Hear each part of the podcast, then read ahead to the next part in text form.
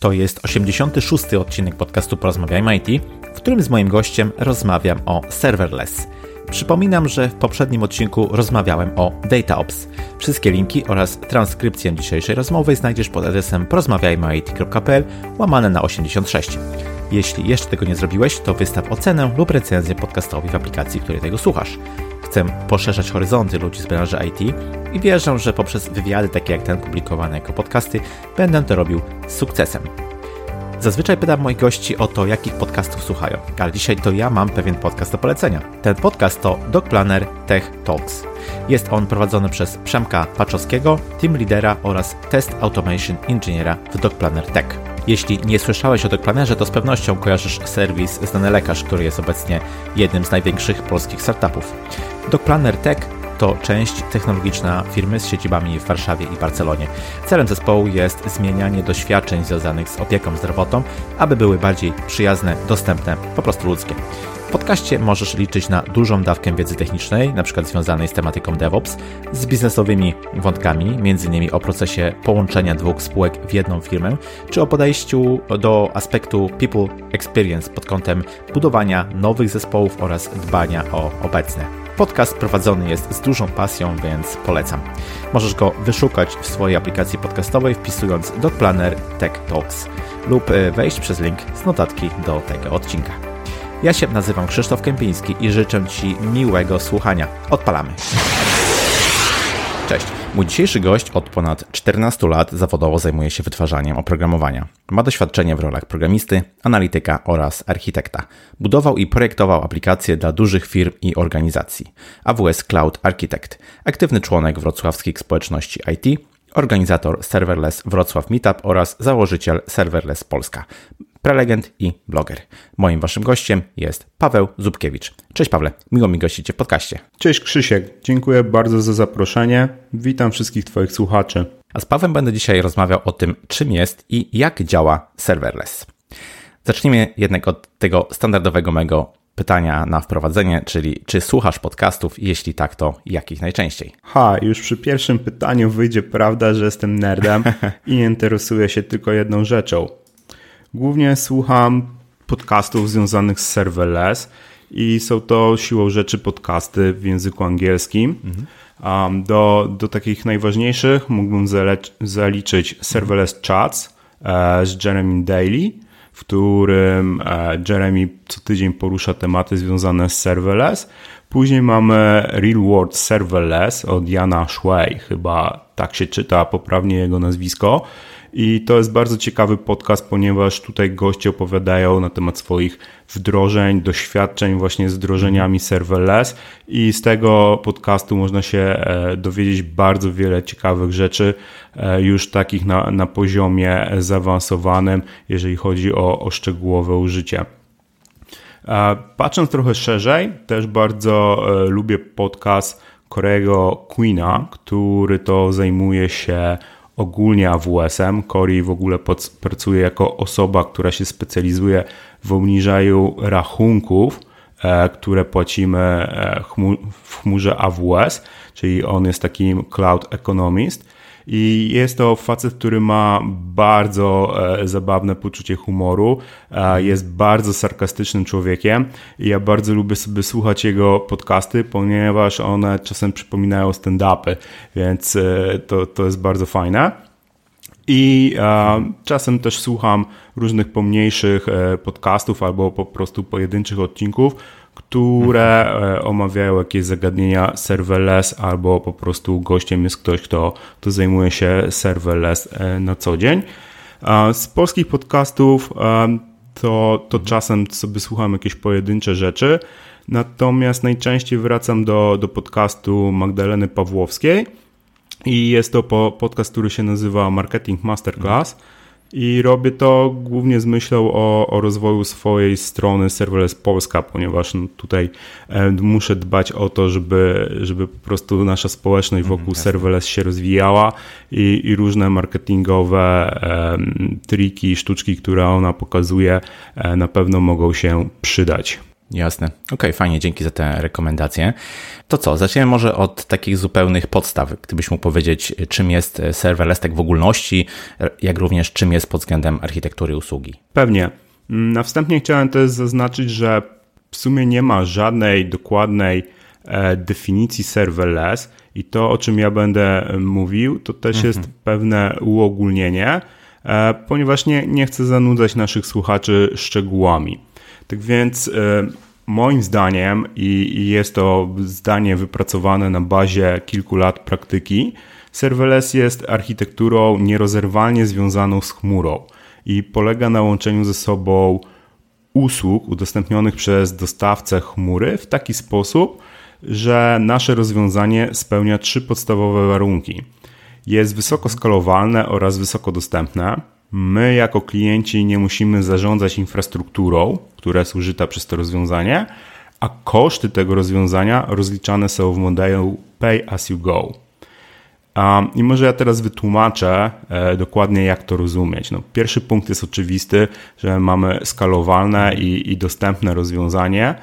Natomiast drugi punkt, czyli my nie musimy zarządzać infrastrukturą. O co chodzi? E, chodzi o to, że my zarządzamy jedynie konfiguracją tej infrastruktury. Sobie definiujemy, jakich usług chcemy użyć i jak one mają być skonfigurowane pod nasze wymagania.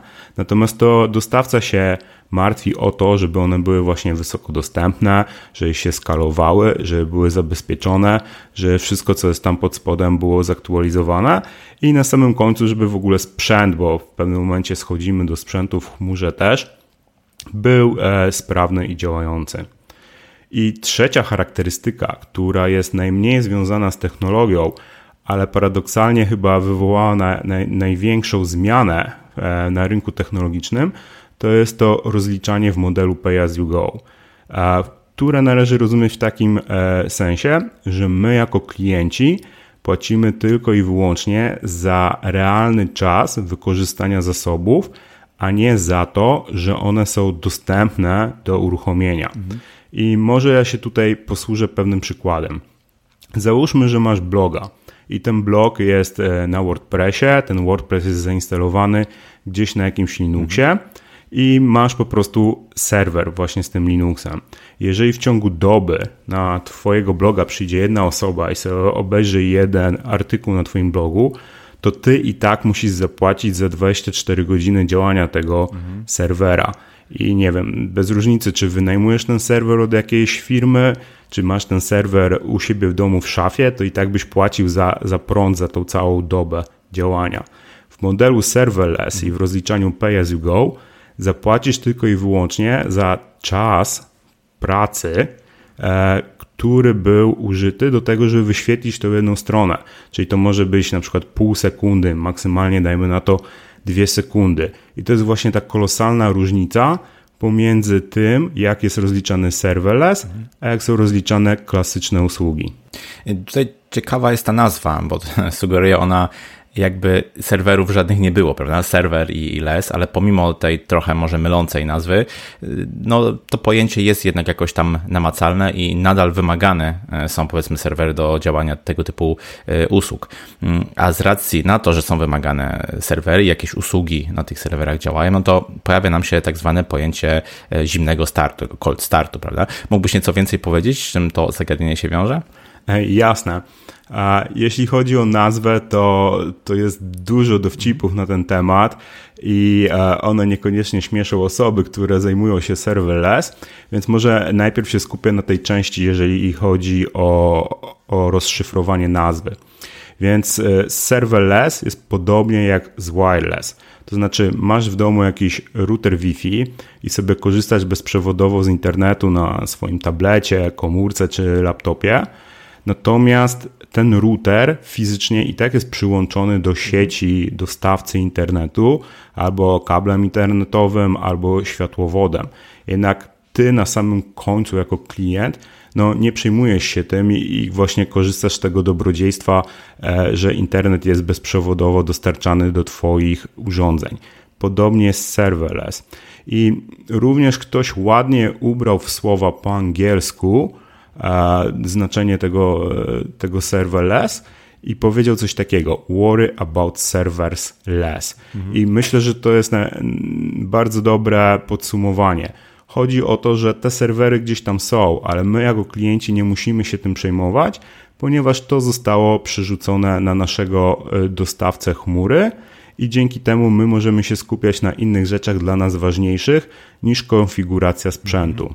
A jeśli chodzi o drugą część e, pytania, to chciałbym zaznaczyć, że lambda nie równa się serverless. To znaczy inne usługi, które nie są lambdą, też mogą być serverless.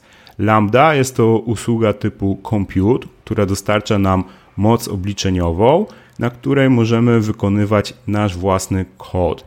I jest ona skonstruowana w taki sposób, że zanim ten kod się zostanie uruchomiony, to usługa Lambda musi e, przydzielić nam jakiś kontener, do którego e, skopiuje nasz kod, który uprzednio żeśmy wysłali do chmury i ten kod dopiero zostanie uruchomiony. I teraz w zależności od tego, jakiego używamy języka, jak dużo tego kodu żeśmy umieścili i jeszcze paru innych e, aspektów, to może trwać jakiś skończony czas. I historycznie ten czas w ekstremalnych sytuacjach był dosyć długi, to były sekundy rzędu, nie wiem, nawet 3 okay. sekund, co powodowało dosyć e, długi czas oczekiwania, szczególnie jeżeli e, jakiś człowiek czekał na odpowiedź. Natomiast generalnie już w tych czasach ten czas został mocno zminimalizowany, szczególnie jeżeli chodzi o języki skryptowe, takie jak Python, mhm. jak JavaScript. I myślę, że w dzisiejszych czasach kwestia cold startów nie jest, nie jest już tak ważna, jak to było kilka lat temu.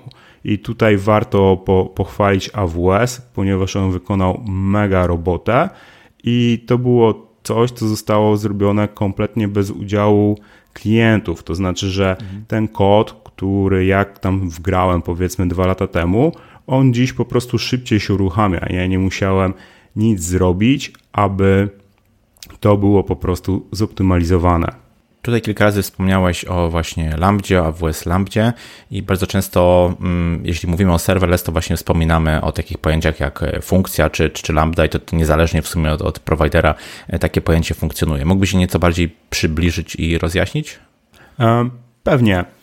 Tak jak powiedziałem, funkcja lambda to nie jest to samo co serverless i mamy generalnie e, wiele innych usług, jak na przykład kolejki serverless, usługi do przechowywania e, mhm. plików, które są serverless. Mamy również bazy danych serverlessowe. Natomiast te wszystkie usługi one jakby mm, nie są w centrum zainteresowania. Historycznie e, to było tak, że Lambda jednak dokonała tego przełomu i bardzo wiele osób e, od razu słysząc serverless myśli AWS Lambda i vice versa. Więc czym jest AWS Lambda? AWS Lambda jest usługą compute, która dostarcza nam moc obliczeniową. Jest to usługa, e, która jest zaliczana do kategorii Function as a Service i e, jest to jakby najwyższy poziom abstrakcji e, konsumpcji zasobów w chmurze. Tak więc bardzo często mamy taki diagram pokazywany na różnych prezentacjach, że mamy infrastructure as a service, mamy container as a service, a później na samym końcu, bo ty, tych różnych kategorii e, ludzie czasem wymyślają kilka, mamy function as a service, czyli po prostu ten najwyższy poziom abstrakcji, dzięki czemu my jako klienci nie musimy się martwić o różne rzeczy niskopoziomowe, a tylko i wyłącznie korzystamy z mocy obliczeniowej. I taka funkcja lambda, tak jak powiedziałem, ona służy do uruchamiania naszego kodu po stronie dostawcy. I ten kod oczywiście e, musi spełniać pewne wymagania, czyli powiedzmy musi spełniać kontrakt albo interfejs. W związku e, z powyższym mhm. właściwie wszystkie funkcje Lambda e, na świecie wyglądają bardzo podobnie, natomiast ma, mają jakby ten sam interfejs, natomiast różnią się tym, co, co robią, co wykonują i generalnie nazywamy to powiedzmy logiką biznesową w tych funkcjach. tutaj warto też dodać, że taka funkcja lambda, ona nie jest odpowiednikiem całego systemu, e, który byśmy mieli w klasycznej architekturze. A więc jak sobie wrócimy i pomyślimy o monolitach, no to monolity składają się z setek albo z tysięcy e, plików źródłowych, realizują właśnie e, często setki albo nawet tysiące jakichś funkcjonalności i to wszystko jest razem zebrane do, do jednej paczki. I później a, mieliśmy różne architektury. Obecnie bardzo popularną architekturą jest architektura mikroserwisów, która dzieli taki monolit na wiele niezależnych, ale współpracujących ze sobą e, komponentów. I używając serverless, my nie, niejako automatycznie mhm. też używamy mikroserwisów mniej lub bardziej. I teraz, jeżeli sobie pomyślimy o, o funkcjach Lambda, to jedna taka funkcja lambda to jest poziom niżej niż mikroserwis. To znaczy, z mojego doświadczenia, zazwyczaj mikroserwis implementujemy tworząc jedną bądź tak. kilka, czasem kilkanaście funkcji lambda. Więc mam nadzieję, że, że w ten sposób naszym słuchaczom będzie łatwiej sobie wyobrazić i umiejscowić, mhm. gdzie taka funkcja lambda jest e, w przestrzeni innych architektur i rozwiązań. I wcześniej e, też wspomniałem, że funkcje lambda, one wszystkie są do siebie bardzo podobne, bo spełniają ten sam kontrakt. Mhm. I oczywiście to jest prawda i jedynym czym się różnią to, to jest logika biznesowa. Natomiast e, tutaj chcę podkreślić jakby clue i sens istnienia tej usługi. Chodzi o to, abyśmy my jako programiści pisali jak najmniej kodu, który nie dostarcza wartości biznesowej, czyli takiego boilerplate. Chodzi o to, żeby prostu zminimalizować to, co nie daje nam wartości, albo właściwie naszym klientom, co nie buduje przewagi konkurencyjnej. I z perspektywy lat widać bardzo wyraźnie, że usługi AWS w ekosystemie serverless rozwijają się zgodnie z tą ideą, aby właśnie odciążyć programistę od tych zbędnych i mało wartościowych rzeczy. I mm, ja pamiętam, jak w zeszłym roku na, na reinvencie, na konferencji y, AWS-owej, e, Chris Moons, czyli taka osoba, która rozwija w ogóle serverless e, w AWS-ie, powiedział, że lambdy powinny służyć transformacji danych, a nie transportowi, to znaczy transform, not transport. I to jest też taka zmiana, którą ostatnio widać e, w ostatnich latach w AWS-ie, że odchodzimy od tej koncepcji, że funkcja lambda jest klejem łączącym różne usługi, który pozwalał na integrację z różnymi usługami, a dąży się do tego, że funkcja lambda ma implementować głównie, przede wszystkim, a najlepiej tylko i wyłącznie właśnie tę logikę biznesową, to w ogóle po co my budujemy jakiś system. I realizuje się ten trend przez to, że wiele usług, które kiedyś były możliwe do integracji tylko i wyłącznie przez funkcję lambda, teraz in integrują się bezpośrednio ze sobą z pominięciem funkcji lambda i dzięki temu my musimy pisać mniej kodu. Jak teraz to opowiadałeś, to pojawia mi się taka analogia właśnie tych lamp e, AWS-owych do e, funkcji używanych w takim na przykład funkcyjnym paradygmacie programowania, takich e, czystych funkcji, które jak gdyby właśnie mają służyć transformacji danych, ale no są z definicji bezstanowe. No i właśnie w przypadku serverless też mówimy o takiej bezstanowości uruchamianej funkcji. Jak wobec tego zapewnia się stanowość czy też persystencję? Tą stanowość e, zapewnia się korzystając z innych usług. Więc generalnie w, e, u prowajderów chmurowych i, i w AWS mamy dosyć dużą dekompozycję usług, to znaczy jest bardzo dużo usług i każda usługa robi głównie jedną rzecz i jest w tym bardzo dobra. W związku z powyższym mamy usługę AWS Lambda, która dostarcza nam e, moc obliczeniową, Natomiast jeżeli chcemy zapisywać stan, to musimy skorzystać z jakiejś bazy danych. To może być na przykład DynamoDB, ale to może być również jakaś e, relacyjna baza danych, typu na przykład MySQL. Możemy też e, zapisać sobie wyniki naszych obliczeń, których dokona funkcja lambda na przykład w formacie JSON i zapisać je w AWS S3. To jest taka usługa, która służy do przechowywania plików w chmurze. A kolejna rzecz, która może być dla naszych słuchaczy interesująca, to jest powiedzmy sesja użytkownika. W systemach e, takich klasycznych sesja jest bardzo często przechowywana po stronie serwera. A natomiast tutaj no, nie mamy tego serwera, zaraz powiem jak to e, jest rozwiązane technicznie, więc e, odpowiednikiem sesji jest takie rozwiązanie jak JWT, czyli JSON Web Token. I my klient wysyłający request musi zawsze e, zawrzeć ten token po to, aby nasz backend był w stanie zweryfikować, że po pierwsze e, ten klient może w ogóle uruchomić albo zażądać w ogóle dostępu do tego zasobu, z którym próbuje się połączyć i też żebyśmy mogli e, rozpoznać tego klienta. A teraz może w paru słowach ogólnie, jak działa e, AWS Lambda. Więc usługa AWS Lambda ma jakiś zbiór gotowych, pustych, działających kontenerów. Mhm. I w tych kontenerach jest zainstalowany Amazon Linux 2 już e, od niedawna.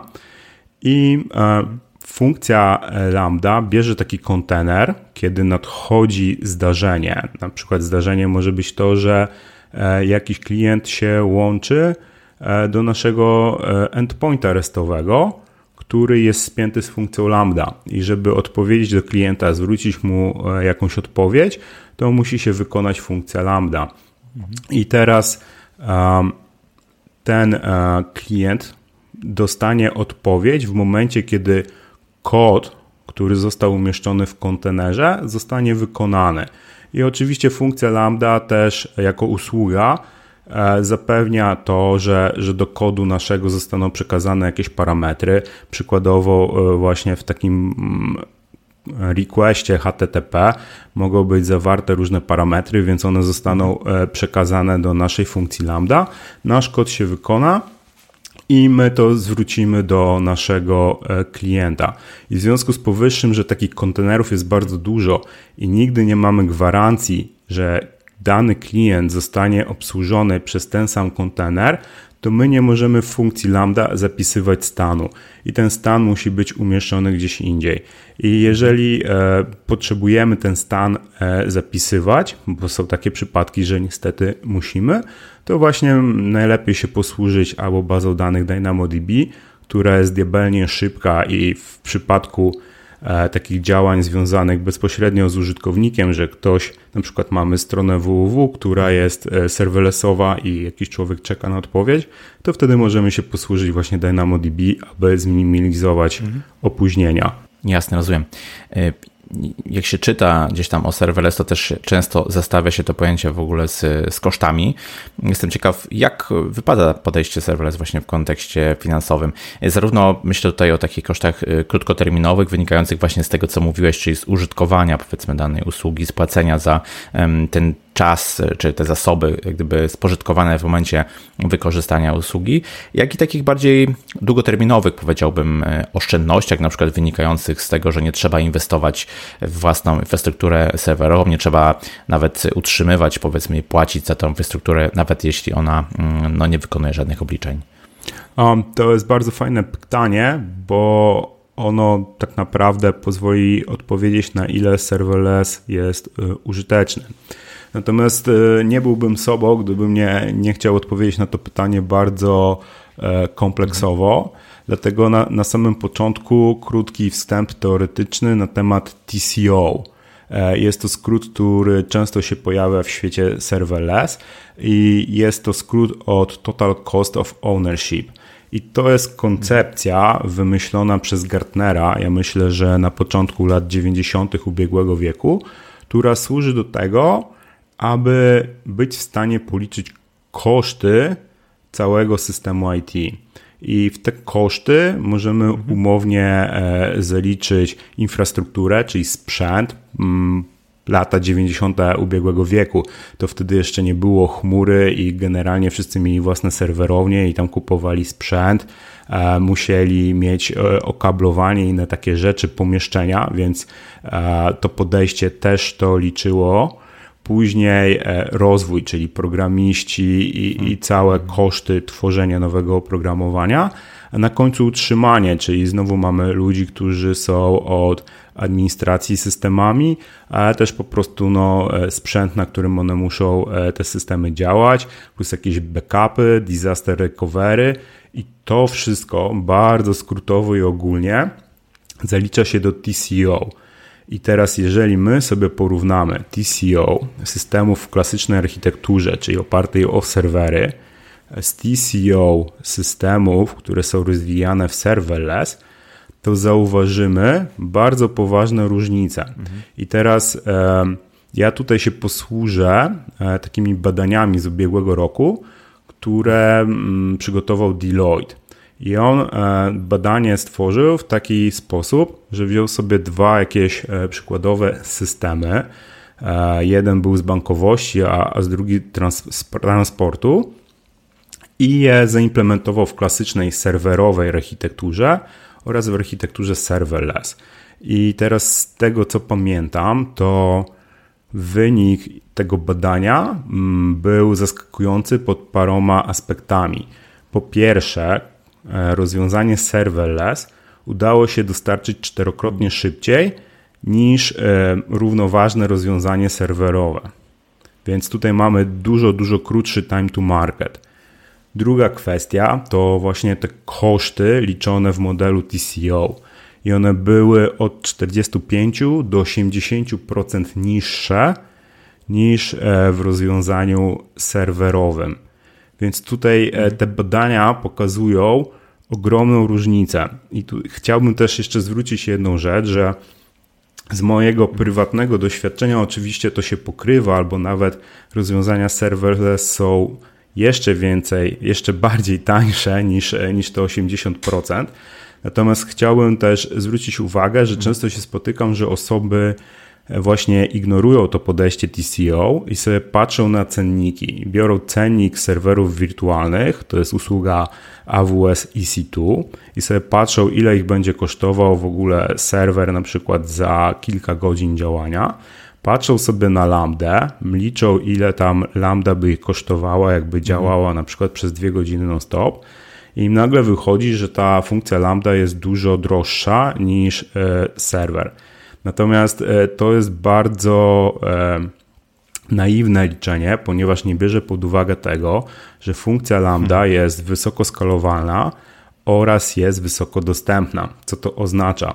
Że jeżeli byśmy chcieli zapewnić taką samą dostępność, czyli jakby odporność na awarie w przypadku e, serwerów, to musielibyśmy mieć przynajmniej dwa serwery, które byłyby zlokalizowane fizycznie w innych data center, tak? Bo w danym regionie AWS mamy najczęściej minimum trzy serwerownie i są to zupełnie osobne mhm. budynki oddzielone od siebie o minimum kilkanaście albo nawet kilkadziesiąt kilometrów. W związku z powyższym, jeżeli w jednym z takich budynków coś by się stało, nie wiem, jest powódź, wybuch, cokolwiek, to mamy inne budynki w regionie, w których nasze serwery by działały. W związku z powyższym już na samym początku okazuje się, że nie możemy porównywać jednego serwera z Lambda, tylko musielibyśmy porównywać dwa serwery z Lambda. Natomiast jeżeli mamy już dwa serwery, to musimy mieć najczęściej load balancer. To, to jest takie urządzenie, oczywiście w chmurze jest to wirtualne, co nie zmienia faktu, że też generuje do, e, dodatkowe koszty. Mhm. Następnie prawdopodobnie byśmy też musieli mieć NAT Gateway, to jest takie rozwiązanie, które pozwoli nam e, na to, aby nasze serwery miały dostęp do mhm. internetu, a internet nie miał dostępu do naszych serwerów. I nagle ten koszt samej EC2 się dubluje, albo w ogóle nawet trochę więcej e, niż dwukrotność e, tego jest. W związku z powyższym, no ten koszt się zwiększa i każdy, kto, kto projektował architekturę w oparciu o VPC, czyli Virtual Private Cloud, czyli wirtualne sieci e, w AWS, w których właśnie umieszczane są te serwery.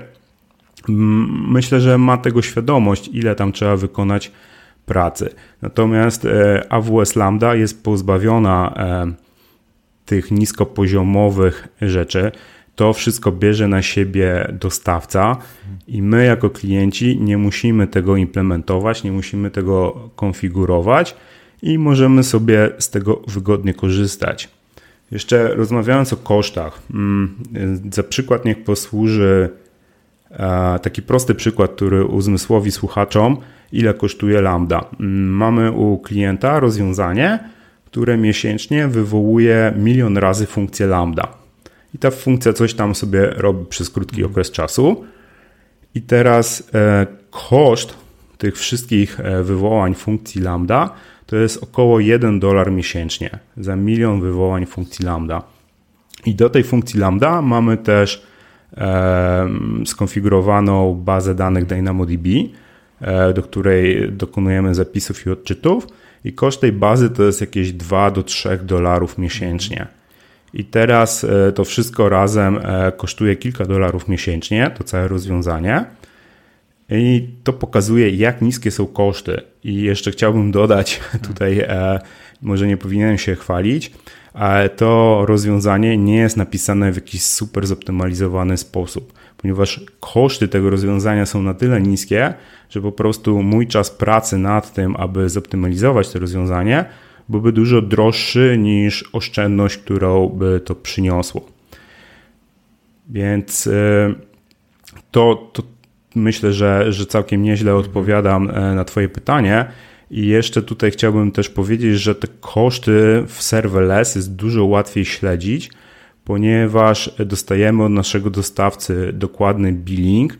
E, podobnie jak powiedzmy dostajemy billing od naszego operatora telefonii komórkowej i my możemy sobie sprawdzić dokładnie, ile pojedynczy request kosztował jedno żądanie, jedno wywołanie funkcji lambda i możemy sobie optymalizować i zobaczyć, o ta funkcja lambda, powiedzmy mamy, nie wiem, 30 funkcji lambda i jedna funkcja lambda jest dużo droższa niż tak. E, inne w, w rachunku powiedzmy miesięcznym, to my możemy spróbować sobie zoptymalizować e, właśnie tą funkcję. Więc podsumowując, moim zdaniem serverless jest znacznie tańszy niż rozwiązania serwerowe. Znaczy to są bardzo konkretne zyski, o których mówisz jak najbardziej, e, ale też takim, jak gdyby teraz przechodząc już z zysków finansowych na takie bardziej e, technologiczne czy performanceowe, no chciałbym przejść do skalowalności, bo to jest też taki istotny aspekt serverless, który jest zawsze powoływany. No, z jednej strony jest to taka podstawa, można powiedzieć, w ogóle podejścia serverless, ale z drugiej strony też jakieś tam zagrożenie dla kosztów, jeśli, przez, jeśli to skalowanie spowoduje, że nagle będziemy faktycznie uruchamiać tych lamp na przykład y, bardzo, bardzo wiele. Nie wiem, jakie masz te podejście, jakie masz obserwacje w tym kontekście. Co, w tym pytaniu jest jakby lekko zawarta też odpowiedź i ja, ja się z nią nie do końca zgadzam i już ci tłumaczę, dlaczego się z nią nie zgadzam. Więc faktycznie jest ta zależność, że im więcej mamy requestów, żądań do, do naszych usług serwerowych, im większy mamy wolumen, tym więcej e, będzie nas to kosztowało. Tak, odnosząc się do, do tradycyjnych architektur, jeżeli mieliśmy kilka serwerów i tam nie było autoskalowania, no to nie mogliśmy przejść powyżej tych kilku serwerów. Natomiast e, tutaj w Lambdzie ta skalowalność jest na tyle duża, że faktycznie przez, e, przez e, krótki okres czasu może się wyskalować bardzo mocno i wtedy automatycznie też nasze koszty wzrosną. Natomiast ja nie jestem do końca pewien, czy to jest e, dobre czy złe, bo jeżeli ktoś ma sensownie zaprojektowany swój system i IT wspiera działania biznesowe w mądry sposób, mhm. to to będzie plusem. I teraz e, za przykład niech po, posłuży historia Lego.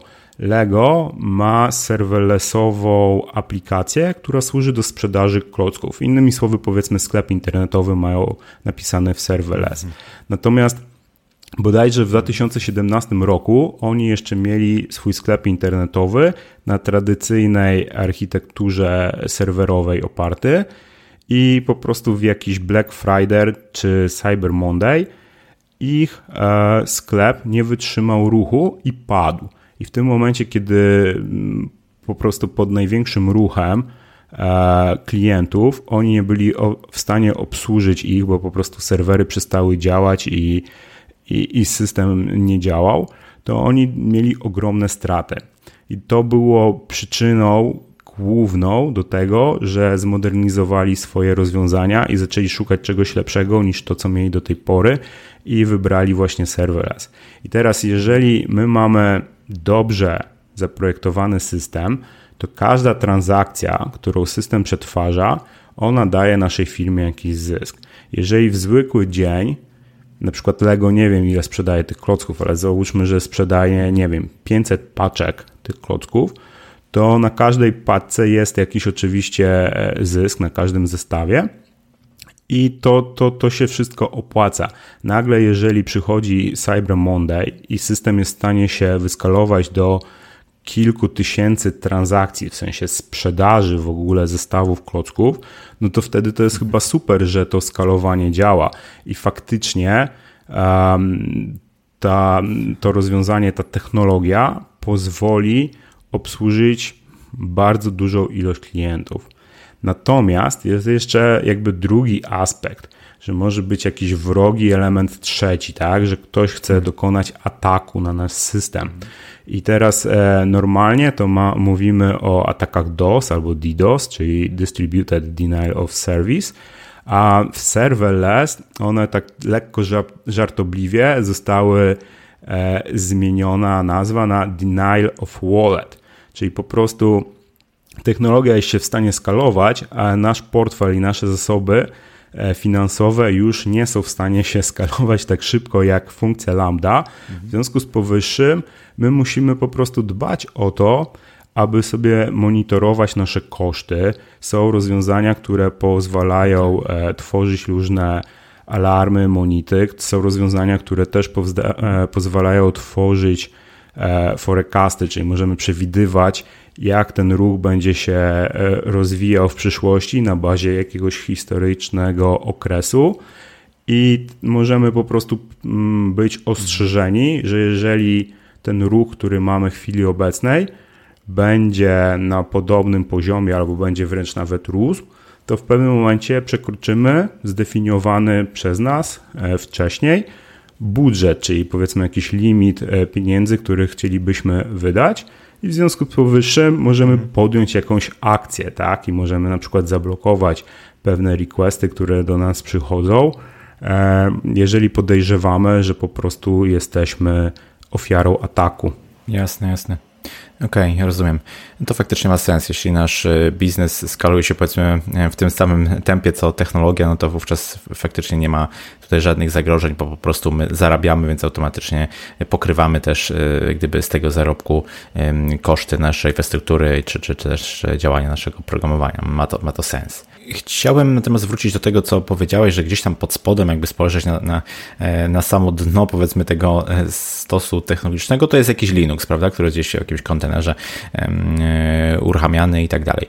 I, I, chciałem Cię zapytać, czy, czy to, że nie mamy kontroli właśnie nad tymi serwerami, że, że to jest jak gdyby gdzieś poza nami, że mamy tylko dostęp do jakiegoś z góry predefiniowanego zestawu e, technologii, bo to też nie jest tak, że możemy sobie tam powiedzmy dowolny język e, użyć, no jest jakiś, jakiś zestaw, z którego możemy sobie e, wybrać.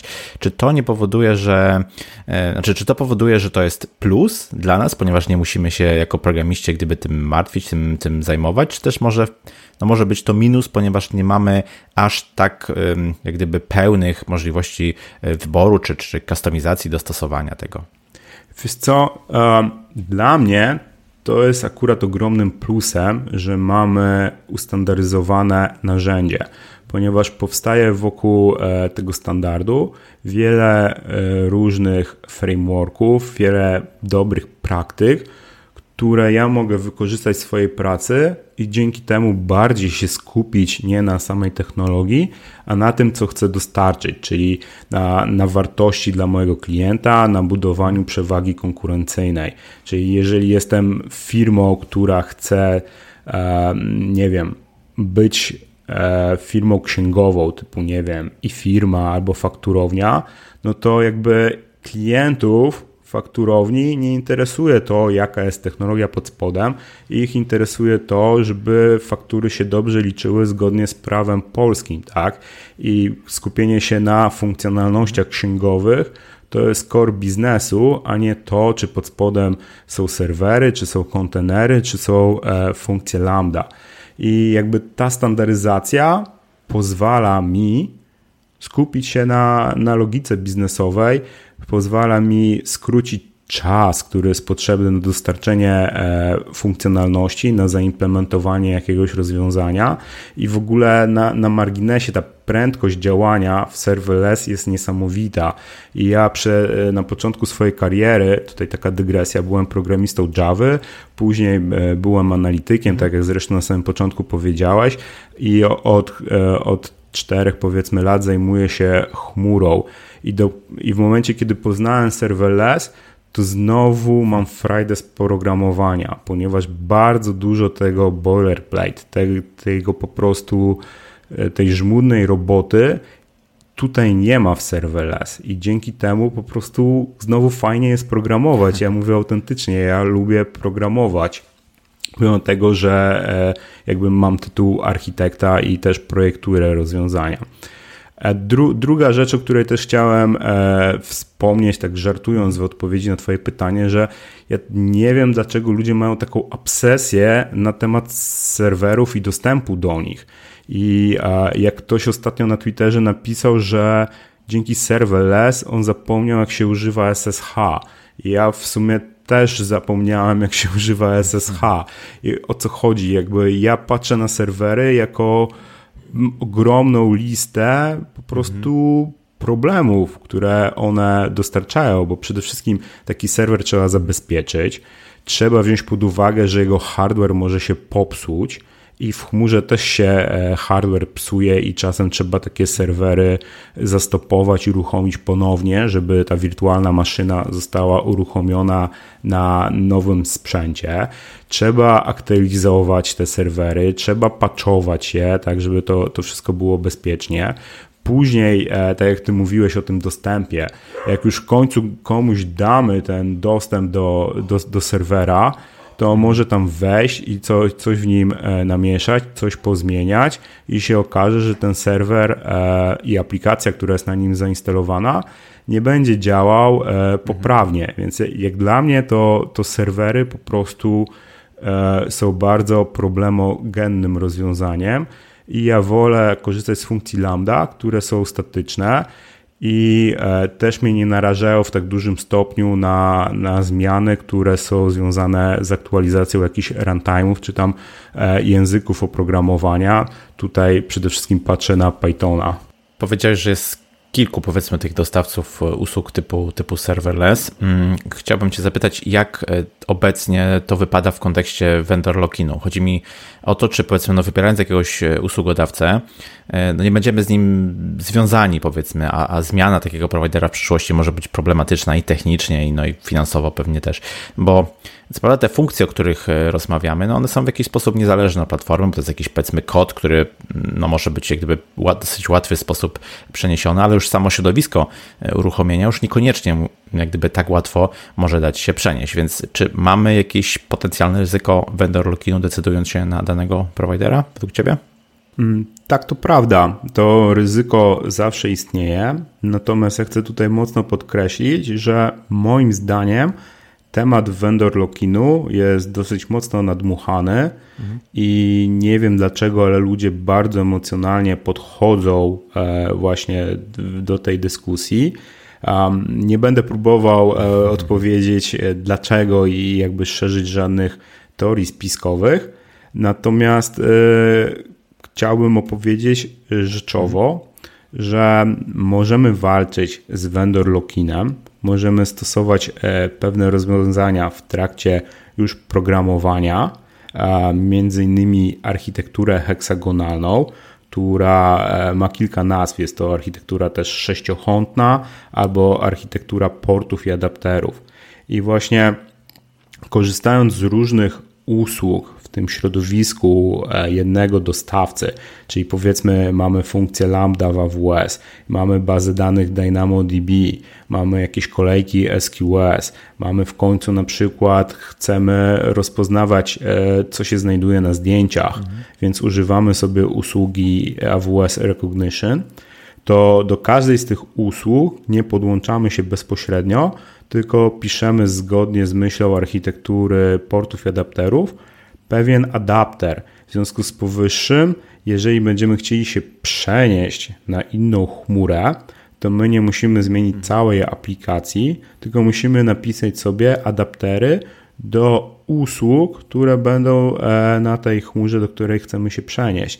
I tutaj um, założenie jest takie, że każda z tych chmur dostarcza mniej więcej takich samych e, serwisów, mniej więcej takich samych usług. I pomiędzy Azure i, i AWS-em e, to, to, to zdecydowanie jest prawdą. Natomiast e, chciałem też jeszcze powiedzieć, że jak zajmuję się serverless od 4 lat, to jeszcze nigdy nie słyszałem w żadnym podcaście ani na żadnej konferencji, aby ktokolwiek przenosił swoje rozwiązanie z jednej chmury na drugą. Być może takie coś się zdarzyło, tak. być może ktoś to zrobił właśnie po to, żeby udowodnić, że się e, da. Natomiast moim zdaniem to jest czysto hipotetyczna e, sytuacja i ona bardzo przypomina e, te dyskusje, które 10-15 lat temu e, się odbywały w związku z bazami danych, z podmianą baz danych dzięki frameworkom ORM, czyli na przykład Hibernate w Javie oferował możliwość tego, że, że sobie zmienimy bazę hmm. danych na jakąś inną i to będzie działać bez problemu. Więc e, jak dla mnie ta cała dyskusja o tym e, vendor lockinie jest dosyć e, niepotrzebna. Zresztą ona też się tyczy ogólnie chmury, a nie tylko samego serverless. I wydaje mi się, że bardzo dużo osób patrzy na vendor locking, jakby to było więzienie. A to nie jest więzienie. Vendor locking to jest po prostu koszt liczony w czasie i w pieniądzach zmiany jednej platformy na drugą, ponieważ taka migracja jest po prostu jakimś projektem e, IT, który będzie nas kosztował, tak? I, i będzie ileś trwał. I teraz, jak, jak o tym rozmawiamy, to moim zdaniem należy sobie zadać tak. pytanie, dlaczego ktoś chciałby w ogóle się e, przenieść z jednego dostawcy do drugiego. Jakby najczęściej e, odpowiedzią na to pytanie są ceny. I teraz nigdy w historii nie zdarzyło się, aby AWS podniósł ceny. Natomiast wiem, że Azure podniósł ceny niektórych swoich usług i też dosyć niedawno e, Google podniósł ceny e, usługi map. Tak więc takie sytuacje się zdarzają. Drugi powód, dlaczego ktoś chciałby sobie zostawić taką możliwość migracji na inną chmurę, no, są to wymagania prawne i ja nie jestem e, prawnikiem, więc e, to nie ma sensu, żebyśmy tutaj eksplorowali tą ścieżkę, więc e, na to pytanie to mm, lepiej po prostu się skonsultować z kimś, kto, kto się zna na przepisach prawnych. Natomiast jakie są konsekwencje tego, że będziemy przygotowywali swoją aplikację po to, aby ona była łatwo albo łatwiej przenoszalna? Na to pytanie mhm. mogę odpowiedzieć, bo, bo jestem inżynierem. I teraz, e, według mojej oceny, to pisanie aplikacji w architekturze heksagonalnej no jest oczywiście jakimś tam e, narzutem. Ja bym ten narzut ocenił na maksymalnie 20% e, pracy więcej. Natomiast e, ja jestem zdecydowanym orędownikiem i zachęcam do korzystania z architektury heksagonalnej w serverless, ponieważ ona się spłaca. Dzięki temu mamy lepszy kod, który jest łatwiejszy do utrzymania i nawet w ogóle nie myśląc o tym, żeby się migrować do żadnej innej chmury, moim zdaniem warto e, korzystać e, z tego stylu, mhm. ponieważ on też również ułatwia testowanie naszych rozwiązań i, i zapewnia jakiś tam e, fajny ład i po prostu ten kod jest e, fajniejszy, Jasne. bardziej elegancki. Więc e, jeszcze raz ja bym tutaj ten narzut dał na 20%. Natomiast jeżeli ktoś by chciał e, się bardziej przenieść albo powiedzmy już dokonać tej migracji, no to będzie musiał napisać te adaptery dla e, takiej czy innej chmury e, docelowej, na której musi się przenieść. No i teraz to będzie trwało, tak? I to będzie trwało jakby pod względem takim, że trzeba to zaprogramować, ale to też będzie trwało, bo trzeba będzie się też nauczyć tej nowej chmury. A więc albo to jest tak, że ci, ci sami deweloperzy będą musieli się nauczyć nowej chmury, albo, ale będą mieli wiedzę domenową z tego systemu, który napisali wcześniej dla pierwszej chmury, albo po prostu bierzemy ekspertów, programistów od tej chmury docelowej, ale oni z kolei będą musieli się nauczyć E, naszej aplikacji, tego co po prostu e, no, napisaliśmy dla tej pierwszej chmury. Więc tutaj e, też będzie jakiś koszt i, i moim zdaniem duży narzut na to, żeby mhm. zrozumieć albo aplikację i domenę tego systemu, albo po prostu drugą chmurę i drugiego dostawcę. Więc tak. Podsumowując, moim zdaniem, jeżeli nie mamy wymogów prawnych, to tak naprawdę ca cała dyskusja się sprowadza do tego, czy ewentualnie chcemy płacić więcej, czy my możemy sobie na to pozwolić, żeby płacić więcej, ale dzięki temu my mamy krótszy czas e, dostarczenia rozwiązań do, naszej, e, do naszych klientów. Ten time to market jest krótszy i po prostu rozwój aplikacji jest szybszy, ponieważ nie musimy implementować drugi raz e, tego samego. I jakby to, to też rozmawiając wcześniej o, o Lego i o tej e, skalowalności, jak ona się przekłada na portfel.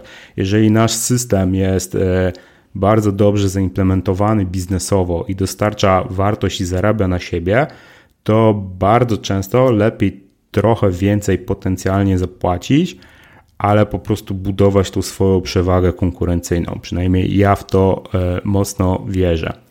I mm, jeszcze, e, jeszcze na koniec chciałem dodać, że vendor lock-in to nie jest jedyny typ lock-inu, który istnieje. Mamy też e, vendor, mamy też lock-iny, które się dotyczą produktów. I teraz nie ma co, co jakby ukrywać tego faktu. Bardzo dużo rozwiązań w chwili obecnej korzysta z Kubernetesa i on bardzo często jest e, przedstawiany właśnie kontenery tak. jako konkurencja wobec serverless. I moim zdaniem dzięki Kubernetes możemy się łatwo przenosić pomiędzy różnymi dostawcami. Natomiast mamy lock-in, jeżeli chodzi o oprogramowanie, jeżeli chodzi o tą platformę e, Kubernetes. Więc e, tutaj mamy jakby trade-off, tak, że mamy większą dowolność, jeżeli chodzi do, o dostawców, ale jesteśmy uzależnieni od jednego konkretnego oprogramowania i, i de facto też w jakiś sposób od Google'a, który jest e, autorem tego. Inny, inny przykład, też pamiętam e, z Polski, w którymś mieście e, oprogramowanie, mm, które było wykorzystywane przez tramwaje, było tak napisane, że wymagało Windowsa XP. I teraz migracja na jakiś e, now, nowszy system operacyjny albo w ogóle Linuxa no, wiązała się z ogromnym kosztem, tak? bo trzeba było przepisać tę aplikację tak, żeby działała z tym nowszym systemem operacyjnym. Więc no, to jest y, zawsze jakiś tam trade-off i tych lokinów jest dużo. E, też możemy na, w ogóle na wybór języka oprogramowania spojrzeć też jako e, na jakiś logi, lokin, który daje nam pewne benefity, ale też, też nas ogranicza pod innymi względami. Jasne. Mówimy tutaj o tym, że trzeba właśnie świadomie do takich rzeczy podchodzić, podejmować decyzje, e, powiedzmy rozważając różne e, rzeczy, które wokół tej decyzji mogą krążyć albo konsekwencje przewidywać. Wobec tego chcę Cię zapytać, e, czy są jakieś takie mm, z góry określone albo znane Tobie przypadki użycia albo zastosowania, które mógłbyś powiedzieć, że mm, serverless sprawdzi się tam idealnie, sprawdzi się tam bardzo dobrze, a w innych powiedzmy no niekoniecznie byłby to najlepszy wybór? To jest świetne pytanie, mm, bardzo inżynierskie i niesamowicie się cieszę, że mi je zadałeś. I z miłą chęcią e, na nie odpowiem tutaj bardzo konkretnie i nie zamierzam się wymigiwać wyświechtanym sformułowaniem to zależy. I e, dlaczego tak będzie? Bo wiesz co, jakieś ponad pół roku temu zacząłem w swoich prywatnych notatkach odnotowywać właśnie takie sytuacje, gdzie ludzie bazując na swoich doświadczeniach we wdrażaniu systemów, mówili o tym, E, gdzie, gdzie znaleźli jakąś pewną ścianę, ograniczenie, którego się nie dało e, przejść. I po prostu zwracam uwagę e, od dłuższego czasu na te ograniczenia, właśnie po to, żeby konkretnie umieć ludziom udzielić odpowiedzi na takie pytanie. Więc może zacznijmy od tego, gdzie serverless się sprawdzi. I teraz bardzo konkretnie. Serverless się sprawdzi praktycznie w każdej aplikacji biznesowej. Czyli jak masz jakąś aplikację webową albo mobilną, i tutaj oczywiście mówimy o backendzie dla tej aplikacji mobilnej, albo nie wiem, jakąś e, platformę sprzedażową, mhm. z której korzysta 5, 500 albo nawet 50 tysięcy osób, to serverless jest idealny. Idziesz e, po prostu w serverless z implementacją jak w dym, na moją odpowiedzialność i na pewno się e, nie zawiedziesz. Drugie, e, drugi przypadek użycia, bardzo popularny, to jest asynchroniczne przetwarzanie.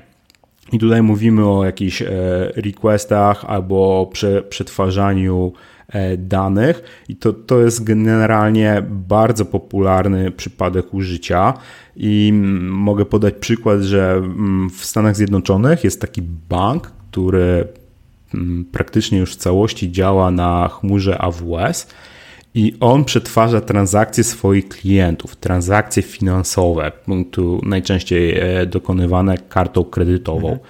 I teraz oni e, mówią, że przetwarzają około tysiąca transakcji finansowych na sekundę i szukają po prostu e, pewnych nadużyć, które mogą spotkać mhm. klientów tych banków przez jakieś e, niedopatrzenia lub celowe działanie właśnie firm trzecich, gdzie klienci płacą.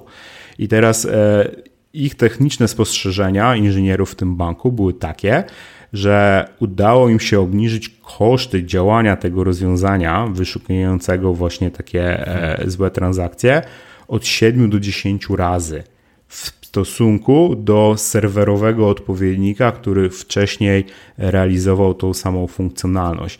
Więc to, to pokazuje, jak, e, jak fajnie się sprawdza serverless właśnie e, przy przetwarzaniu danych takim asynchronicznym. A teraz może podam takie konkretne ograniczenia, bo prawdopodobnie słuchacze bardzo, bardzo są tym zainteresowani. Tak więc, jeżeli Twój system musi mieć czasy odpowiedzi poniżej 50 milisekund, albo w ogóle mm, oczekuje odpowiedzi na poziomie pojedynczych milisekund, to serverless zdecydowanie się nie nada.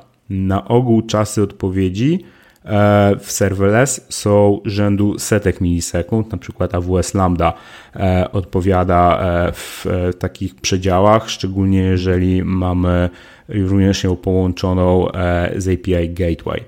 Tak więc przykładem tego, i to w ogóle nawet sam AWS o tym mówi, że mm, w Amazonie, w tym sklepie, E, oni mają hale, w których trzymają te produkty i w tych halach pracują ludzie, ale również pracują roboty.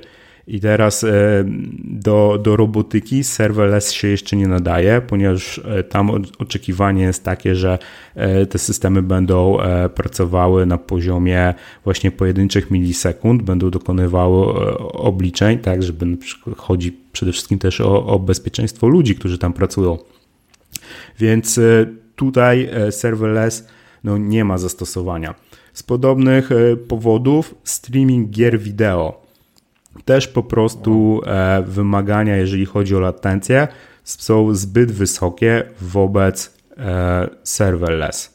Kolejnym ograniczeniem to są karty graficzne. Na chwilę obecną do funkcji Lambda nie możemy podpiąć karty graficznej. W związku z powyższym, jeżeli twoje wymagania są takie, że chciałbyś korzystać z obliczeń dokonywanych na, na GPU, no to tego się na chwilę obecną nie da zrealizować w AWS. Inny przykład z życia wzięty to, to jest przykład, o którym mówił e, Jan Szwej w którymś e, ze swoich podcastów. To jest sytuacja, kiedy w ich systemie chcieli się zeskalować, uwaga, od 200 użytkowników do miliona 200 tysięcy użytkowników w 30 sekund. I to było w aplikacji Dazn, to jest taki e, sportowy odpowiednik Netflixa. I on odpowiadał o przypadku, kiedy ludzie na 30 sekund przed rozpoczęciem meczu piłki nożnej po prostu logowali się masowo do ich systemu i chcieli włączyć streaming. I, i stąd jest taka duża, e, duża skala, taki po prostu skok tych użytkowników. I ogólnie chcę też podkreślić, że dużo ograniczeń znika. Na przykład do pewnego czasu do funkcji lambda nie można było podpiąć dysku sieciowego. I w chwili obecnej jest już to możliwe i taki dysk sieciowy może być podpięty ten sam do wielu funkcji Lambda równocześnie. Dysk ma nieograniczoną pojemność, więc my już nie jesteśmy ograniczeni pojemnością 500 mega, jak to było do niedawna, tylko na tym dysku możemy składować e, pliki dowolnej wielkości.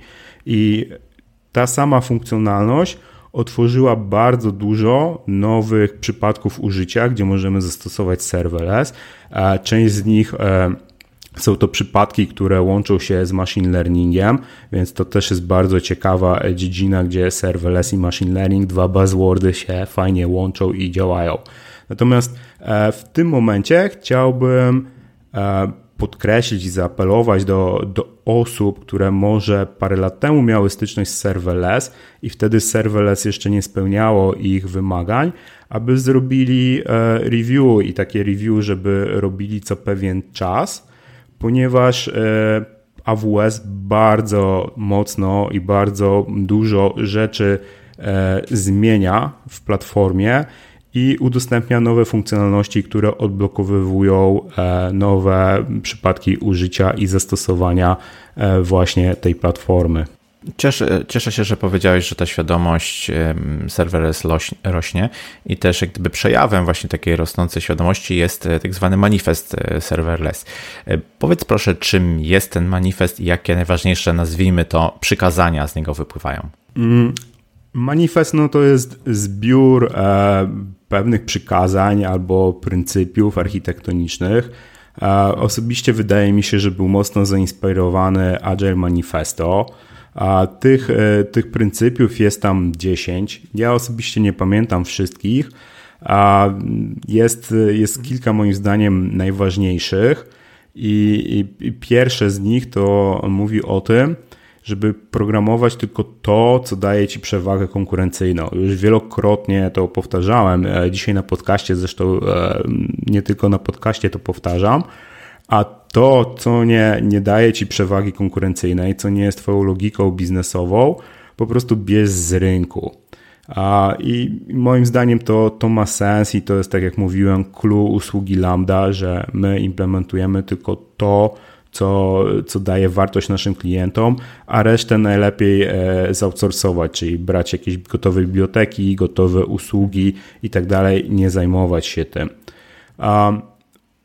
Oni tutaj mówią dosyć, e, nie, nie każdy pewnie się z tym zgodzi, że własny kod to jest koszt i należy go utrzymywać na minimum. I to, to może być dosyć e, ciężkie do, do zrozumienia dla wielu osób, ponieważ przez lata e, wszyscy nam mówili o tym, że kod to jest własność intelektualna, że to jest to, co, co buduje wartość firmy, a tutaj jest e, właściwie totalne przeciwieństwo. Te, też przypomniało mi się właśnie, że w w historii IT też było parę głośnych przypadków, kiedy ktoś po prostu poszedł do więzienia za to, że udostępnił czymś, czyjś kod, ponieważ to było coś opatentowanego albo po prostu jakiś no, tajny kod danej firmy. E, takie sytuacje się zdarzały w Stanach Zjednoczonych. Więc tu, tutaj mamy zupełnie nowe podejście, e, które właśnie bazuje na tym, żeby pisać jak najmniej, a wykorzystywać już gotowe rozwiązania. No i te, te też oni mówią o tym e, w manifestie, aby nie używać serwerów, nie używać wirtualnych maszyn, kontenerów, no chyba, że inaczej się nie da. I myślę, że to, co jest najważniejsze w tym manifestie, to jest to, to co z niego jakby wypłynęło, czyli podejście serverless first. Czyli generalnie, jeżeli w firmie mamy nowy system do zaimplementowania, to podążając właśnie tym podejściem serverless first, z założenia by default zakładamy, że będziemy go implementować serverless i robimy sobie powiedzmy jakąś taką burzę mózgów i próbujemy znaleźć dowolne przeciwwskazania, dlaczego w serverless się tego nie da zaimplementować. Na przykład, nie wiem, no musimy korzystać e, z e, kart graficznych, ale jeżeli nie znajdziemy takich e, powodów, no to wtedy implementujemy rozwiązanie w serverless. Chciałbym Cię jeszcze zapytać o temat, który trochę nam się tutaj przewijał, gdyby w trakcie rozmowy w różnych wątkach, ale myślę, że dobrze by to było podsumować. Jakie problemy, pułapki czy niebezpieczeństwa z użytkowania serverless, takie najczęściej powiedzmy mm, występujące zauważasz? Wiesz co, jedną e, z takich rzeczy, o której na pewno warto wspomnieć, to są wszystkie pułapki związane e, z implementacją systemów rozproszonych. No i tu, tutaj musimy się cofnąć właściwie do lat 70. E, uprzedniego wieku, ponieważ tutaj nie ma nic nowego, tak? To, to, mówimy o, o takich mitach, że e, latencja jest, e, jest równa zero, że sieć jest zawsze dostępna i nie ma z nią problemów, że mamy kontrolę nad siecią i tak dalej, i tak dalej. Jeżeli ktoś nie miał doświadczenia z implementowaniem na przykład mikroserwisów, które e, są też systemami rozproszonymi, to pracując w chmurze, gdzie wszystko jest rozproszone i wszystkie te serwisy łączą się ze sobą po sieci, może się zdziwić, że czasem ma tak zwany długi ogon i, i czasem któraś funkcja lambda zamiast wywołać się 200 milisekund, to będzie trwała 4 sekundy i będzie to dla niego e, niezrozumiałe, dlaczego tak się dzieje i w ogóle nie będzie wiedział, jak, jak podejść do takiego problemu. I mm, to jakby nie jest, e, nie jest pułapka serverless, tylko po prostu no, e, tak, tak wygląda programowanie w systemach rozproszonych. A inna rzecz, która też jakby nie jest bezpośrednio problemem serverless, ale, ale wpływa mocno na, e, na, na, codzienne implementowanie i dostarczanie aplikacji, to jest e, szeroko rozumiana wiedza i ekspertyza na, na temat e, chmury. Moim zdaniem, jeżeli ktoś ma mocno ograniczoną wiedzę na temat usług, z których korzysta jego rozwiązanie serverless, to dosyć szybko napotka na jakieś problemy. I tutaj, jak, jak z każdą nową rzeczą w życiu, po prostu trzeba się e, tego nauczyć i trzeba, e, myślę, po prostu dać sobie jakieś pole do, do błędów i do nauki i do tego, że na samym początku pewne funkcjonalności będziemy dłużej implementowali niż jakbyśmy to robili w starych, dobrze znanych e, rozwiązaniach. Więc tutaj nie ma e, nic złego w tym wszystkim, tylko po prostu zwracam na to uwagę, że, e, no, no, że ta wiedza jest niezbędna i trzeba ją jakąś nabrać, e, najlepiej właśnie mm, poprzez praktykę i, i naukę. A rzecz, która też się właśnie wiąże z tą praktyką i nauką, to jest to, że niektóre usługi zaczynają się troszkę inaczej zachowywać, może w sposób nieoczekiwany, w momencie, kiedy mamy bardzo duże wolumeny transakcji. Natomiast e, kiedy dochodzimy, no to, to jest ten przykład, który na przykład e, wcześniej podałem o tym skalowaniu do miliona e, 200 tysięcy użytkowników. Więc e, no, gdzieś są te ograniczenia przy dużej skali, mhm. ale to początkujący użytkownicy na nie nie, na, nie natkną się, więc to też nie jest jakąś połapką. E, to może być bardziej zaskoczeniem, ale to już e, jeżeli ktoś, ktoś ma tego typu problemy, to jest naprawdę pewnie już specjalistą albo być może i ekspertem w tej dziedzinie, a więc e, to tylko pogratulować moim zdaniem. Więc to, to, to są rzeczy z usługami. Jeżeli chodzi o podejście ludzi, no to właśnie mm, pułapką jest to, że e, ktoś nie będzie chciał się rozwijać i uczyć tych usług, no to z takim podejściem, no niestety e, mu się nie uda.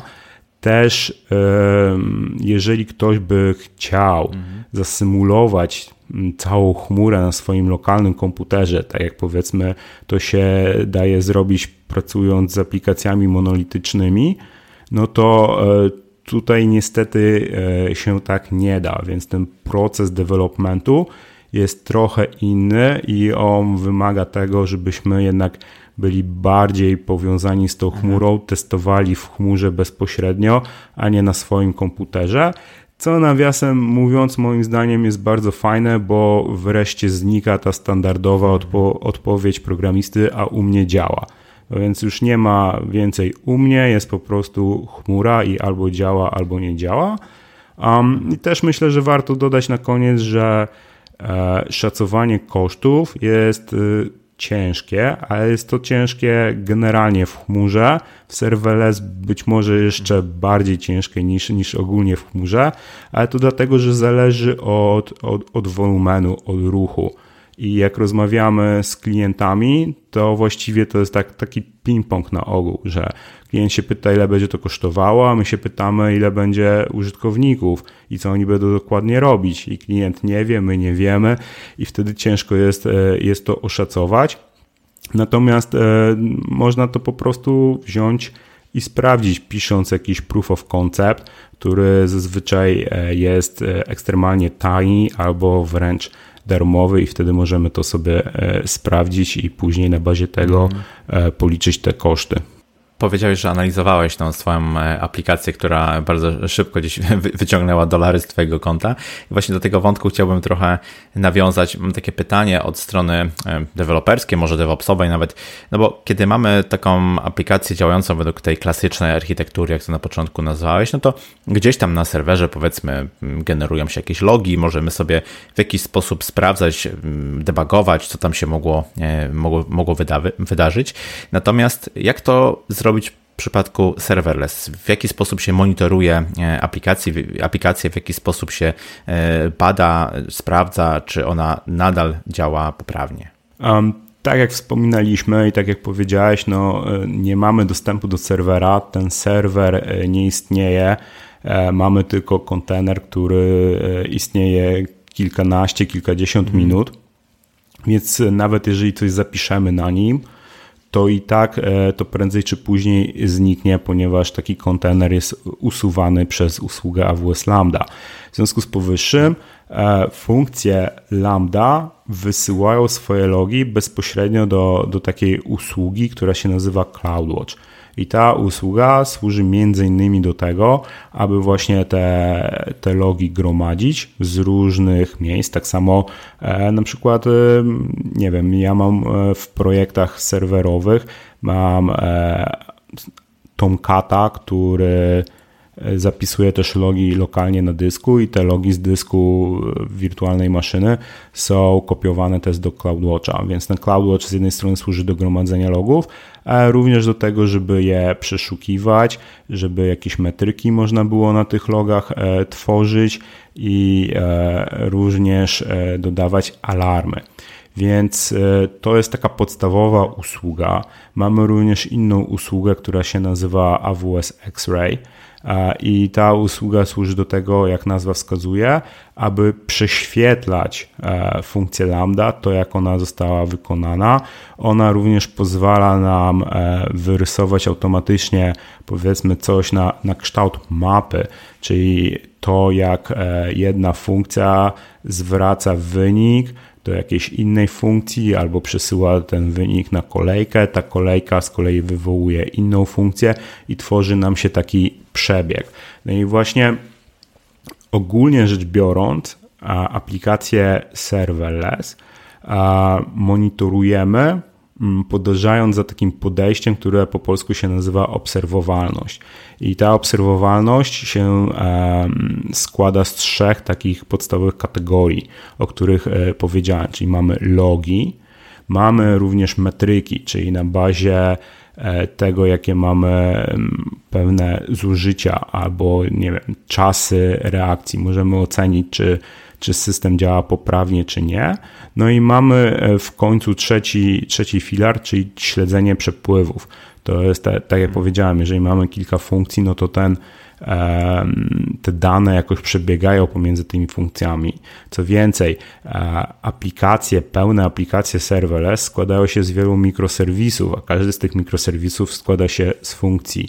Więc te przepływy pomiędzy różnymi mikroserwisami oraz różnymi e, usługami, z których korzystamy e, od naszego dostawcy, możemy sobie e, wyrysować właśnie za pomocą usługi X-Ray. I na bazie tego wszystkiego możemy sobie zdefiniować alarmy, czyli możemy powiedzieć, że jeżeli czasy reakcji jakiejś funkcji lambda wzrosną, to mamy zostać poinformowani, albo jeżeli mamy jakiś e, REST endpoint i on zaczyna zwracać nam 400 albo 500, no to też e, dostaniemy jakiś alarm. Oczywiście do tego też możemy rysować pewne diagramy i z całej tej całości, jakby w tym podejściu obserwowalność, e, my po prostu bazując na tych wszystkich informacjach, musimy się nauczyć, jak w praktyce działa ta na, nasza aplikacja, jak się ten system zachowuje w momencie, kiedy działa poprawnie. I teraz odstępstwa od tego normalnego stanu powinny być jakimiś wskaźnikami tego, że coś się dzieje źle. I um, ja myślę, że każdemu, kto zaczyna z serverless, to ja radzę, żeby się skupił na bardzo dobrym logowaniu i zapisywaniu właśnie informacji, e, co się dzieje w kodzie, jakie dane są e, przechwytywane, bo dzięki temu będzie łatwiej się nauczyć, jak ta funkcja lambda działa, a z biegiem czasu dokładać e, dodatkowe rzeczy, jak metryki, jak właśnie śledzenia przepływów. Powiedziałeś, że to, że mamy ograniczony zakres technologii, z których możemy, z których możemy korzystać, mm, gdyby opierając swoje rozwiązania o serverless, to może być w jakiś sposób e, taki mechanizm nas e, broniący. Wobec tego chciałbym Cię zapytać, jakie języki e, możemy wykorzystać, jakie języki możemy brać pod uwagę po to, aby na przykład napisać nasze, nasze funkcje? Od dłuższego czasu istnieje możliwość ustawienia tak zwanych mhm. custom runtime Czyli de facto możemy wykorzystać dowolny język programowania. Mhm. Musimy mieć tylko mm, właśnie e, środowisko uruchomieniowe dla niego.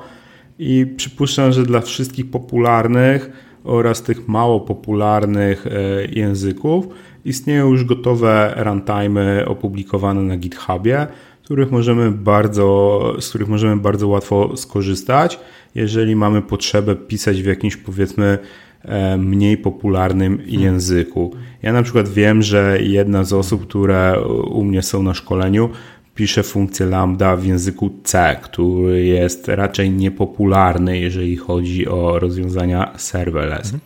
Natomiast to, co jest e, dostępne bezpośrednio od e, AWS, jeżeli chodzi o AWS Lambda, no to mm, są to języki skryptowe, takie jak Python i JavaScript, które są najbardziej popularne w środowisku serverlessowym. Myślę, że od kilku lat JavaScript, e, czyli mm, runtime Node.js wiedzie prym.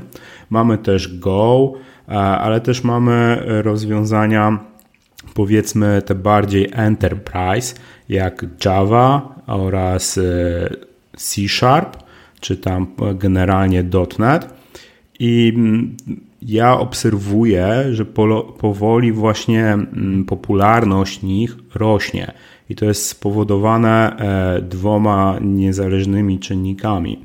Pierwszy z nich, moim zdaniem, to jest to, że e, duże przedsiębiorstwa, właśnie ten cały korpo świat albo enterprise, on e, powoli się przekonuje do chmury, ale również do serverless z powodu tych wszystkich zalet, o których mówiliśmy, czyli przede wszystkim mniejszych kosztów oraz e, krótszemu e, czasowi dostarczania rozwiązań i dużo mniejszym wymaganiom, jeżeli chodzi o utrzymanie tych, tych rozwiązań. W związku z tym Enterprise zaczyna korzystać serverless i e, taki enterprise, no to on ma e, zazwyczaj programistów albo Java, albo e, technologii Microsoftu. I czasem ciężko jest przekonwertować się tym osobom e, na języki skryptowe. Dlatego coraz więcej widać, widać coraz większą popularność Java. Oczywiście ona i tak jest dużo, dużo mniejsza niż, e, niż Python czy JavaScript, ale widać jakiś trend e, rosnący. A drugi czynnik jest taki, że AWS bardzo mocno pracuje aby właśnie zminimalizować e, cold starty dla tych języków e, właśnie, które są e, kompilowane, ponieważ jakby du duży, duży wpływ jest tego, czy mamy do czynienia z, z językiem skryptowym, czy kompilowanym, na to, jaki będzie cold start. I historycznie Java i .NET, one miały najdłuższe cold starty, ale z biegiem lat one są e, coraz mniejsze. Już doszliśmy, myślę, do takiego poziomu, kiedy jesteśmy nawet w stanie napisać e, za pomocą Java funkcje lambda, które będą odpowiadały na bezpośrednie e, żądania klienta e, w sensie człowieka, ponieważ te czasy cold startów i, i uruchomienia takiej funkcji napisanej w Javie są na tyle krótkie, że są to już czasy e, akceptowalne. Teraz chcę Cię zapytać o rynek pracy, który jest związany z serverless. Czy czy serverless to jest taka specjalizacja wśród specjalizacji? Chodzi mi o to, czy e, ludzie od serverless to są po prostu specjaliści e, od chmury, którzy mają jeszcze węższą specjalizację i czy obserwujesz e, oferty pracy, które są właśnie bezpośrednio adresowane do inżynierów serverless, czy też raczej nie ma jeszcze takiej świadomości, raczej poszukuje się ludzi od chmury, którzy później gdyby takie zadania serverlessowe wykonują? Mhm. Wiesz co, uogólniając, jestem zdania takiego, że w chmurze pracują osoby, które mają, e, powiedzmy, wywodzą się z dwóch środowisk. Albo e, byli i są programistami, albo byli bardziej po tej stronie utrzymania, czyli byli administratorami, osobami odpowiedzialnymi za sprzęt. I e, myślę, że, że ten, ten podział w chmurze jest trochę mniejszy, ale nadal, e, nadal zauważalny. I osoby, które zajmują się serverless, to jednak moim zdaniem to jest taka e, specjalizacja właśnie tej części osób, które zajmowały się programowaniem. Tak? Są różne usługi dostępne w AWS-ie i możemy z powodzeniem E, budować i, i utrzymywać systemy, które korzystają z serwerów wirtualnych, ale ciągle serwerów. A, a serverless jest e, pewną specjalizacją, chociaż korzysta e, z innych usług. Jeżeli spojrzymy z perspektywy usług, no to to są inne usługi niż w tych serwer, server full rozwiązaniach.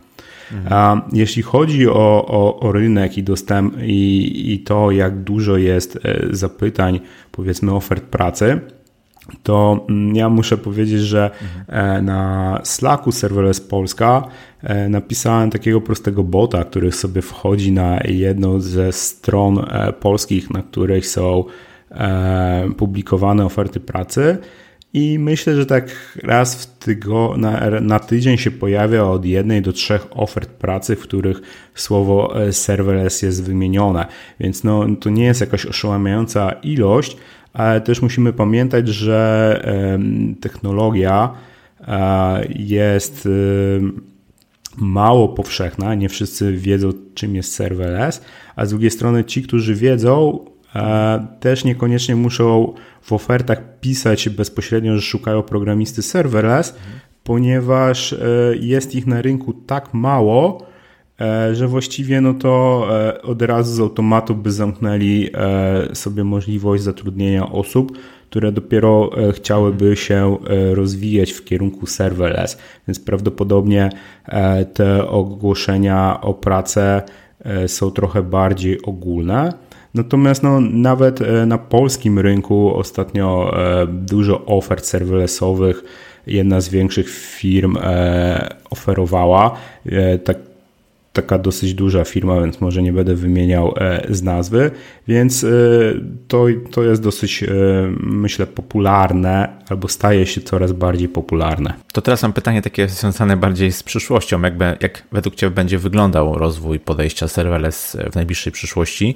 Nie wiem, jakie trendy może obecnie obserwujesz, które według Ciebie będą znaczące w przyszłości w tym temacie? Patrząc na to z perspektywy kilku lat, ja widzę, że AWS mocno postawił na serverless, obrał kurs e, w tym kierunku i konsekwentnie rozwija e, swoje usługi, mhm. właśnie biorąc pod uwagę serverless. Ja myślę, że, że to będzie trwało.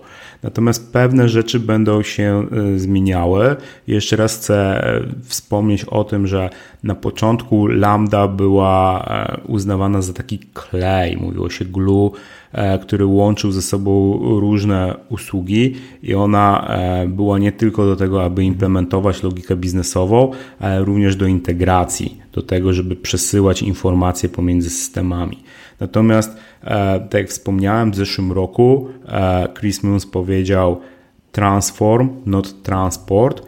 I myślę, że to jest ten taki nowszy, mocniejszy trend, który widać już w rozwoju niektórych usług i, i w zmianach, w nowych funkcjonalnościach, które są dodawane.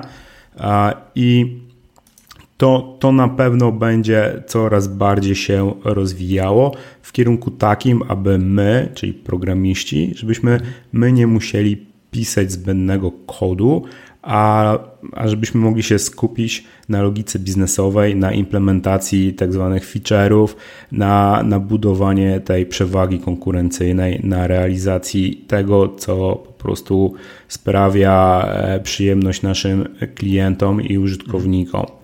Oprócz tego ja myślę, że takie rozwiązania właśnie functionless, codeless, czyli e, też te takie integracje z pominięciem funkcji lambda, gdzie my jako programiści już de facto nie będziemy programować, a będziemy się zajmowali konfiguracją usług, tak aby te usługi e, razem zintegrowane realizowały nasze wymagania, nasze cele. No, ciekawa przyszłość przed nami. Okej, okay, e, Paweł, bardzo Ci dziękuję za e, ciekawą rozmowę, za pokazanie tych wielu aspektów e, tej, tego zagadnienia, jakim jest serverless. Muszę powiedzieć, że sam się wiele dowiedziałem, także bardzo mm, dziękuję. I powiedz proszę na końcu, gdzie Cię można znaleźć w internecie, w jaki sposób się z Tobą skontaktować. Ja również Tobie bardzo dziękuję. Ja jestem zawsze szczęśliwy, kiedy mogę porozmawiać o serverless i nakłonić nowe osoby do tego, żeby zaczęły go używać i, i spróbowały, ponieważ no, jestem przekonany, że, że to jest bardzo fajna architektura, bardzo dobre rozwiązanie i też tak jak wspominałem, e, przywraca fan z pracy, jeżeli jesteś programistą, a to moim zdaniem jest bardzo e, ważny faktor w naszym e, życiu, żeby się cieszyć z tego, co robimy. A mnie możecie znaleźć w internecie. Myślę, że najlepiej, jeżeli zaczniecie od strony serverlesspolska.pl. E, jest to strona, którą stworzyłem i prowadzę, gdzie piszę o serverless. E, umieszczam różne tutoriale, jak rozpocząć serverless, a również info, informacje dla osób zaawansowanych dotyczące na przykład mhm. bezpieczeństwa albo użycia jakichś konkretnych usług w, po, w połączeniu e, z funkcją Lambda. Oprócz tego znajdziecie mnie na LinkedInie, na Twitterze. E, szukajcie pod Paweł Zubkiewicz albo P. Zubkiewicz.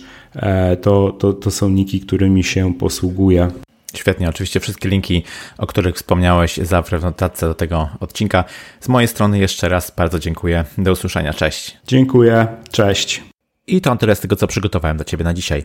Serverless to jedno z tych podejść do architektury rozwiązań informatycznych, które będzie z pewnością mocno rozwijało się w najbliższym czasie. Warto więc wiedzieć, czym jest, a może również spróbować się z nim zaprzyjaźnić, bo specjalistów na rynku od tego podejścia bardzo brakuje. Jeśli doceniasz to, co robię, wesprzyj mnie na Patronite. To taka platforma, na której możesz wspierać twórców internetowych. Mnie możesz wesprzeć kwotą już od 5 zł miesięcznie. Wejdź na porozmawiajmy.it.pl, na wspieram i sprawdź szczegóły. Jeśli masz jakieś pytania, pisz śmiało na krzysztof małpa porozmawiajmy.it.pl Ja się nazywam Krzysztof Kępiński, a to był odcinek podcastu Porozmawiajmy IT o serverless. Zapraszam do kolejnego odcinka już za tydzień. Cześć!